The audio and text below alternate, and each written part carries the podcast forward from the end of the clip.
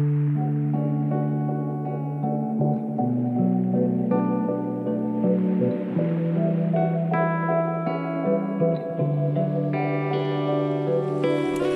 dag har jeg invitert med meg til podkasten min gode kollega fra, fra HVL, Hilde Margit Løseth. Hun er ph.d.-stipendiat i, i END-prosjektet. Og så er hun spesielt inne i noe som heter hjelperstudiet. Hva er det, Hilde? Ja, hva er hjelperstudien?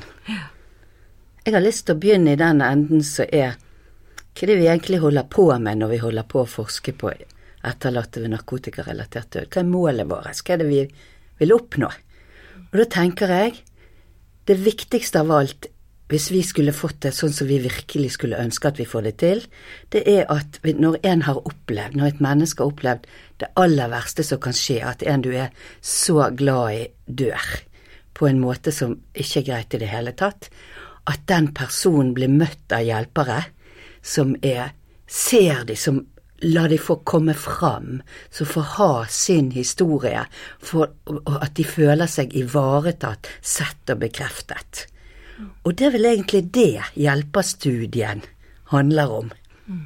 Så, så på et eller annet vis å, å klare å, å hjelpe hjelperne til å bli disse, disse gode gode hjelperne. Er det riktig å forstå det slik? Det er helt perfekt sagt. Det er akkurat det vi holder på med. Ja.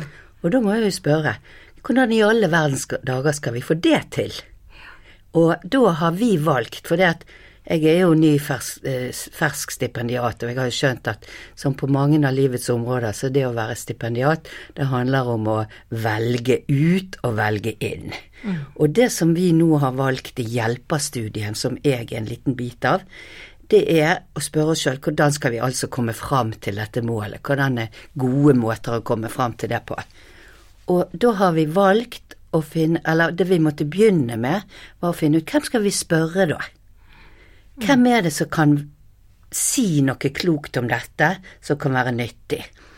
Eh, og da har vi kort sagt eh, gått til det som var såkalte um, pilotkommuner når det gjaldt overdoseprosjektet, det nasjonale overdoseprosjektet. Og det var jo flere da, men vi har valgt seks av de kommunene til å være de stedene vi skulle intervjue hjelpere. Mm. Så, så, hvordan velger man liksom akkurat seks kommuner i Norges land? Ja, godt spørsmål. Norge er et langstrakt land, og etterlatte ved narkotikarelatert død, de fins jo overalt. Men noen steder er det flere av de enn andre. Mm. Eh, og vi har valgt å f.eks. tenke litt på geografisk spredning. Vi har helt fra nord til helt fra sør og øst. Eh, og så er det jo at eh, vi måtte jo snakke med folk som hadde noe erfaring med å møte disse etterlatte. Og derfor valgte vi noen sånne eh, kommuner som vi visste hadde erfaringer med det. Er det lov å si hvilke kommuner det er? Ja, selvfølgelig. Ja, og da er det Tromsø eh, og Trondheim og Oslo og Bergen og Arendal eh, og Fredrikstad. Ja. Og de, hvis, altså de har jo forskjellige størrelser, forskjellige sånne demografiske ting. Hvem er som bor der, hvordan bor de, hvordan lever de? Er det noe som er eller er det veldig mange forskjellige måter at folk kan få hjelp på, eller er det bare noen få måter å få hjelp på? Ja. ja. Så derfor har vi Altså for å få god spredning, og at vi får tak i noen luredata. Ja, så det var allerede litt av en prosess liksom å lande på hvilke kommuner. Og, og, og så tipper jeg at, at, så er det neste at hvilke hjelpere. Eh, hvem ville dere få tak i? Ja, hvem er det som møter, eller har potensialet til å møte etterlatte ved narkotikarelatert død? Mm. Vel, vi eh, er jo heldige å ha en prosjektleder, eh, Kari Dyregrav, som vet litt om sånne brå og uventede dødsfall. Som har vært med å lage en veileder eh, for krisehåndtering i kommunene. Først må jeg bare skyte inn at en, av de andre valgene vi gjorde, i hvert fall for meg, det er at det handler om kommuner og det kommunale helse- og velferdstilbudene. Mm. Ja. Sånn at vi har tenkt at når, det, når, du opplever brå og uventet død, så kan du fort, det kan fort bli et traume, det kan bli en krise. Mm. Sånn at hvem er det som på en måte står er nevnt der? Sant? Men eh, hvis jeg hopper litt ut av måten det er beskrevet i veilederen, så handler det jo om nødetatene. Det er jo de som møter de aller først. Mm. Noen ganger på åstedet er jo faktisk en etterlatt der, men andre ganger er det noen som finner de der. Eh, og det vanlige er jo da, hvis ikke noen har savnet de, og at politiet på en måte er på leit etter, mm. eller det har skjedd en brann, og brannvesenet er der og finner de, osv., så, videre, så er det jo sånn at det går en, en telefon til en legevakt. Mm. Og så kommer det en ambulanse, og så da vet jo samtidig politiet det. Og så må politiet eh, de må tenke å guri malla, vi har plikt til å varsle. Hvem vi skal varsle? Jo, hvis ikke allerede ambulansen er der, så de, må de varsle på legevakten. Og så skal det gå en henvendelse til kommunelegen om det. Eh, og så har du jo sånn at mange eh, legevakter de har eh, kriseteam hos seg. Eh, eller de varsler til kriseteam i kommunene. Så da har du jo allerede så mange som altså eh, nødetater, med alt som hører til det, og de kommunale tjenestene som f.eks. kriseteam. Eh, så det er hjelpere. Men i tillegg så, altså, så er det jo prestene kanskje som får beskjed. Fordi at noen ganger så kan presten komme til åstedet og snakke med etterlatte der hvis de er der allerede. Sånn at det kan være bra. Eller andre livssynsrepresentanter. Men det er egentlig bare i Oslo, eh, Bergen, kanskje det skjer. Eh, eller i hvert fall jeg ser det, da. Ja. Mm. og så er det helse- og velferdstjenestene internt i kommunen, da. Og det kan være f.eks. etat for psykisk helse og rus mange steder. Det kan være barnevernvakt, som mange ganger er en del av det kommunale kriseteamet også. Eh, og så kan det være, hvis, den, eh, hvis det er en person som nettopp er død, så blir han kanskje den døde kroppen, for det er en sak for seg sjøl, blir den kjørt til, eh, til et akuttmottak. Eh, men hvem er det som, slår, hvem som har rett til å slå fast at noen er død? Mm. Det er faktisk en lege som må call it, som de sier i amerikanske serier. Sant? Det er faktisk en lege som må si det. Og noen steder har de en sånn legebil som kommer og gjør det. Men de tar ikke kroppen med seg tilbake til et eller annet sted. Ja. Så allerede når du beskriver dette, så får jeg jo et bilde at det, det er jo utrolig mange mennesker, altså hjelpere, som har potensial å gjøre en forskjell for de etterlatte i, i denne, denne akutte fasen og, og i tjenestene. Det er så mange kontaktpunkter, og det er så mange alternativer, og det er ulike rutiner, ulike aktører og ulike posisjoner på tvers av forvaltningssystemene ellers. Ja. Så, så hvor mange hjelpere sånn, sånn cirka har, har, har dere vært eh, ja, Nei, vi, hadde, vi har seks case-kommuner, så vi har delt inn i fire grupperinger. Eh, så vi har fokusgruppe på, da. Så hvor mange er det? Altså, eh, nå husker ikke jeg akkurat tallet, men eh, eh med seks gang, altså det er 24 fokusgruppeintervju, der den ene gruppen handler om de som møter helt, helt i begynnelsen. Mm og det kan være kriseteam og eh, nødetaten osv. Og, så og hver gruppe har jo kanskje mellom eh, to og åtte, syv, kanskje. Der. Så da kan du nå regne sjøl, da. Ja. Over 100 i hvert fall. Jeg kan i hvert fall regne at det er ordentlig mange hjelpere. Ja. Eh, fordi jeg har jo skjønt at, eh, at akkurat denne intervjufasen er jo allerede gjort. Men, men, men jeg er likevel litt sånn eh, interessert at hvordan, eh, hvordan, eh, hva slags respons fikk, fikk, dere fra hjelperne og kommunene? Og hvordan var det egentlig å liksom rekruttere en sånn gjeng? Ja, godt spørsmål. Jeg begynte jo egentlig med å sondere terrenget akkurat helt i begynnelsen av, hvis jeg kan kalle det END-prosjektet. Ja. Da ringte jeg rundt til folk i hele landet helt opp i Øst-Finnmark og helt sør for å finne ut har dere noe tilbud til etterlatte. Hva mener du med etterlatte, sa de mange, for de snakket om pårørende. Og så måtte jo jeg lære meg at en etterlatt er en pårørende der eh, personen, den nære pårørende har dødd, da. Ja. Uh, ja. Så hva var spørsmålet igjen? Nei, jeg bare spurte hvilke responser ja, dere fikk respons. med rekrutteringen. Og... Ja, og det var veldig forskjellig respons. Og oppsummert så har vi snakket om dette i denne prosjektgruppen, og så valgte vi å gjøre det sånn at vi brukte prosjektlederen Kari Dyregrov, som gjerne tok da den første kontakten med eh, viktige, sentralt posisjonerte personer i hjelpeapparatet, for at hun kunne være en sånn brobygger inn. For hun har et kjent navn, og folk har tillit til det navnet når det gjelder brå uventede eh, krevende dødsfall.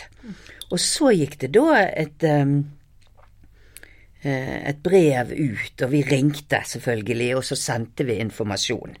Og så, så det var veldig forskjell på den responsen, da. Og det handler jo om alle de ulike kommunale situasjonene og organiseringene. Ja. Eh, noen kommuner har et veldig sånn eh, gjennomtenkt, organisert beredskapsopplegg der dette er en liten del av det, mens andre de, av, de midt i omorganiseringer, eller de har økonomiske vansker osv. Så videre. sånn at det var veldig variert eh, hvor vi fikk eh, å si snøre i bånd, da. Ja, det var det virkelig. Ja. Høres ut som litt av et puslespill var veldig mange henvendelser. Og når vi nå endelig hadde fått tak i noen, da, og sendt ut informasjon, så delte vi opp eh, vi som holder på med dette her i tre team, som hver hadde to case-kommuner. Og vi ringte til de eh, folkene vi hadde fått oppgitt, og bare det var et puslespill, fordi at kanskje de navnene ikke var i den jobben lenger, det var kommet nye, mm. eller det var feil person, eller de hadde ikke tid, eller osv. Men i beste fall, da, så fikk jo vi snakke med folk. Kanskje det var på Zoom eller på Teams eller noe sånt. Eh, eller vi snakket med flere samtidig. Og så begynte vi da å nøste. Hva tilbud har dere, og hva erfaringer har dere? Eh, for på en måte å starte den innsamlingen av informasjon som var viktig. Ja, ja hva slags informasjon var det viktig å, å få samlet? Hva, ja, vi har, et, vi har tatt et valg på det at det er grådig viktig at dette ikke bare er et syte- og klageprosjekt på alt som går gale. Vi mm. syns at det er ufattelig viktig for å kunne bidra til de etterlatte, at vi har valgt å ha fokus på hva er det som fungerer hva har dere erfaring med fungerer? Og det er jo grådig viktig å understreke at uh, vi har andre som jobber med etterlatte, men vi jobber med hjelperne i dette studiet. Sant? Mm. Så det er hjelperne sitt perspektiv hele veien. Så det er de ulike case-kommunene sine ulike grupperinger, altså akutthjelpere eller uh, frivillige organisasjoner med tilbud, eller eh, kommunale hjelpetilbud, eller lederne i kommunene. Det er de grupperingene vi har hatt. Så vi har spurt dem hva er det som virker. Så har vi jo òg selvfølgelig spurt dem, i tillegg til om de kan dele noen holdt på å si, suksesshistorier, så har vi spurt dem hva ser de som barrierer for å nå det gode. Eh, men vi har også eh, eh, spurt dem hva tenker dere kan være mulig? Hva, hva mulighetsrom, på en måte, mm. eh, kan dere se som er inni dette her? Mm. Men hva er det som gjør at det var viktig å fokusere på det som liksom de mulighetene og til det som, som fungerer? Eh. Fordi at eh, målet er jo å få ting til som virker. Ja. Eh, og uansett så kommer det historier om ting som ikke virker. Og det ser vi jo blant annet når foreldre og søsken og venner mm. eh, har eh, vært intervjuet mm. På ulike måter. Men vi vil jo ha noen sånne snipper å dra i som handlet om for de som sitter i systemene, som jobber i systemene, som kjenner systemene, hva er det som vi kan få til her? Hva er det som For det at vi vil jo ha de, de, gode resultatene. Vi vil jo at det skal være gode måter. Og når det er et sånt område der det ikke er gjort noe særlig på, akkurat på denne gruppen, så, så må jo vi begynne et sted. Så hvorfor ikke begynne med det gode, da? Ja, ja. Og, så du, du, har jo, Hilde, selv vært både hjelper, og så har du jo utdanna hjelpere årevis, og, og, nå er du en, en som forsker på hjelpernes tanker, da. Så, så hvordan, hvordan, forstår du hjelpernes eh, situasjon i disse møtene med etterlatte etter narkotikarelatert død? Ja. ja, dette mener jeg masse sterkt om. Jeg skal prøve å dra ut noe. Hvordan er det å være en hjelper når du jobber med folk som står midt oppe i det verste, som er midt i en traume eller krise, eller altså verden har rast sammen. Da trenger jo hjelperen ha en kunnskap om det. Hva vil det si å være? Hvordan oppleves det? Og hvordan reagerer vi psykologisk, fysisk osv. når vi når du får dødsbudskapet, eller når den du har prøvd å passe på i alle år, plutselig likevel Det verste du har tenkt deg, det skjedde likevel. Ja. Sånn at du må ha kunnskap om det. Fordi at en av de viktigste tingene når du skal være hjelper inn i sånne komplekse, smertefulle eh, relasjoner, du, for du går inn i en relasjon, mm. så må du på en måte ha noe med hva er saken, sant? og saken er kunnskapen om det. Og så må du ha noe inni deg sjøl, på en måte at du kan si hvor, hvor begynner jeg, og hvor slutter jeg? Hvor, hvor slutter den andre? Hva skjer mellom oss? Mm. Du må kunne på en måte løfte tankegangen din. Mm. Til å tenke om, og ikke bare være i i. For det vi får når vi er i tette eller når vi er i relasjoner med folk som er så i sjokk som disse menneskene ofte er, da, vi får en sånn massivt følelsesmessig trykk. Mm. Og vi kan jo bli helt sånn kolonialisert eller oppslukt av det og ikke klare å gjøre noen ting. Og da må du kunne på en måte skille mellom ditt og den andre sitt. Mm. Dette er ikke enkelt. Mm. Det er akkurat dette jeg underviser en del av våre studenter med. Eh, og så en annen ting er altså kunnskap, og så må du kunne eh, ivareta deg sjøl i det. Og da trenger du kanskje eh, hjelp til det. Mm. Og noen eh, Jeg vil tro det at dette med et godt kollegium sant, mm. eh, er viktig der. Det er veldig forskjell rundt omkring i landet eh, om, eh, om hjelperne har systematisert eller andre hjelp til hjelperne. Mm en god del ambulansefolk har jo noe som heter EFOK, emosjonell og et eller annet hjelp til eh, med kriser og sånn. De, de, har eh, steder de kan gå når det har vært veldig sterke inntrykk. Eh, og så har vi noen som har en god veiledning, sant. Men veldig mange har ikke det. Og da er det jo tilfeldig om de har noen de kan snakke med om det, for det blir et voldsomt trøkk. Mm. Og så er det jo dette her med Altså å være hjelper. Én ting er det kunnskapsmessige, om kunnskapet om på en måte krisen, sjokk osv. Men du må også ha eh, på en måte en eller annen sånn informasjon eller tilgang til å erfare deg sjøl. Sant?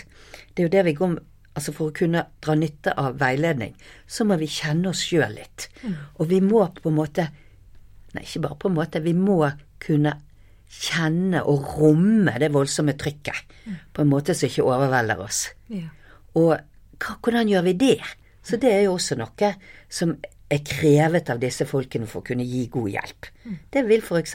si at jeg kan, hvis du hadde vært i sjokk nå, og jeg kjente bare at det ble voldsomt, altså du skrek, kanskje du gråt, du ropte litt, så måtte jeg klare å stå i det.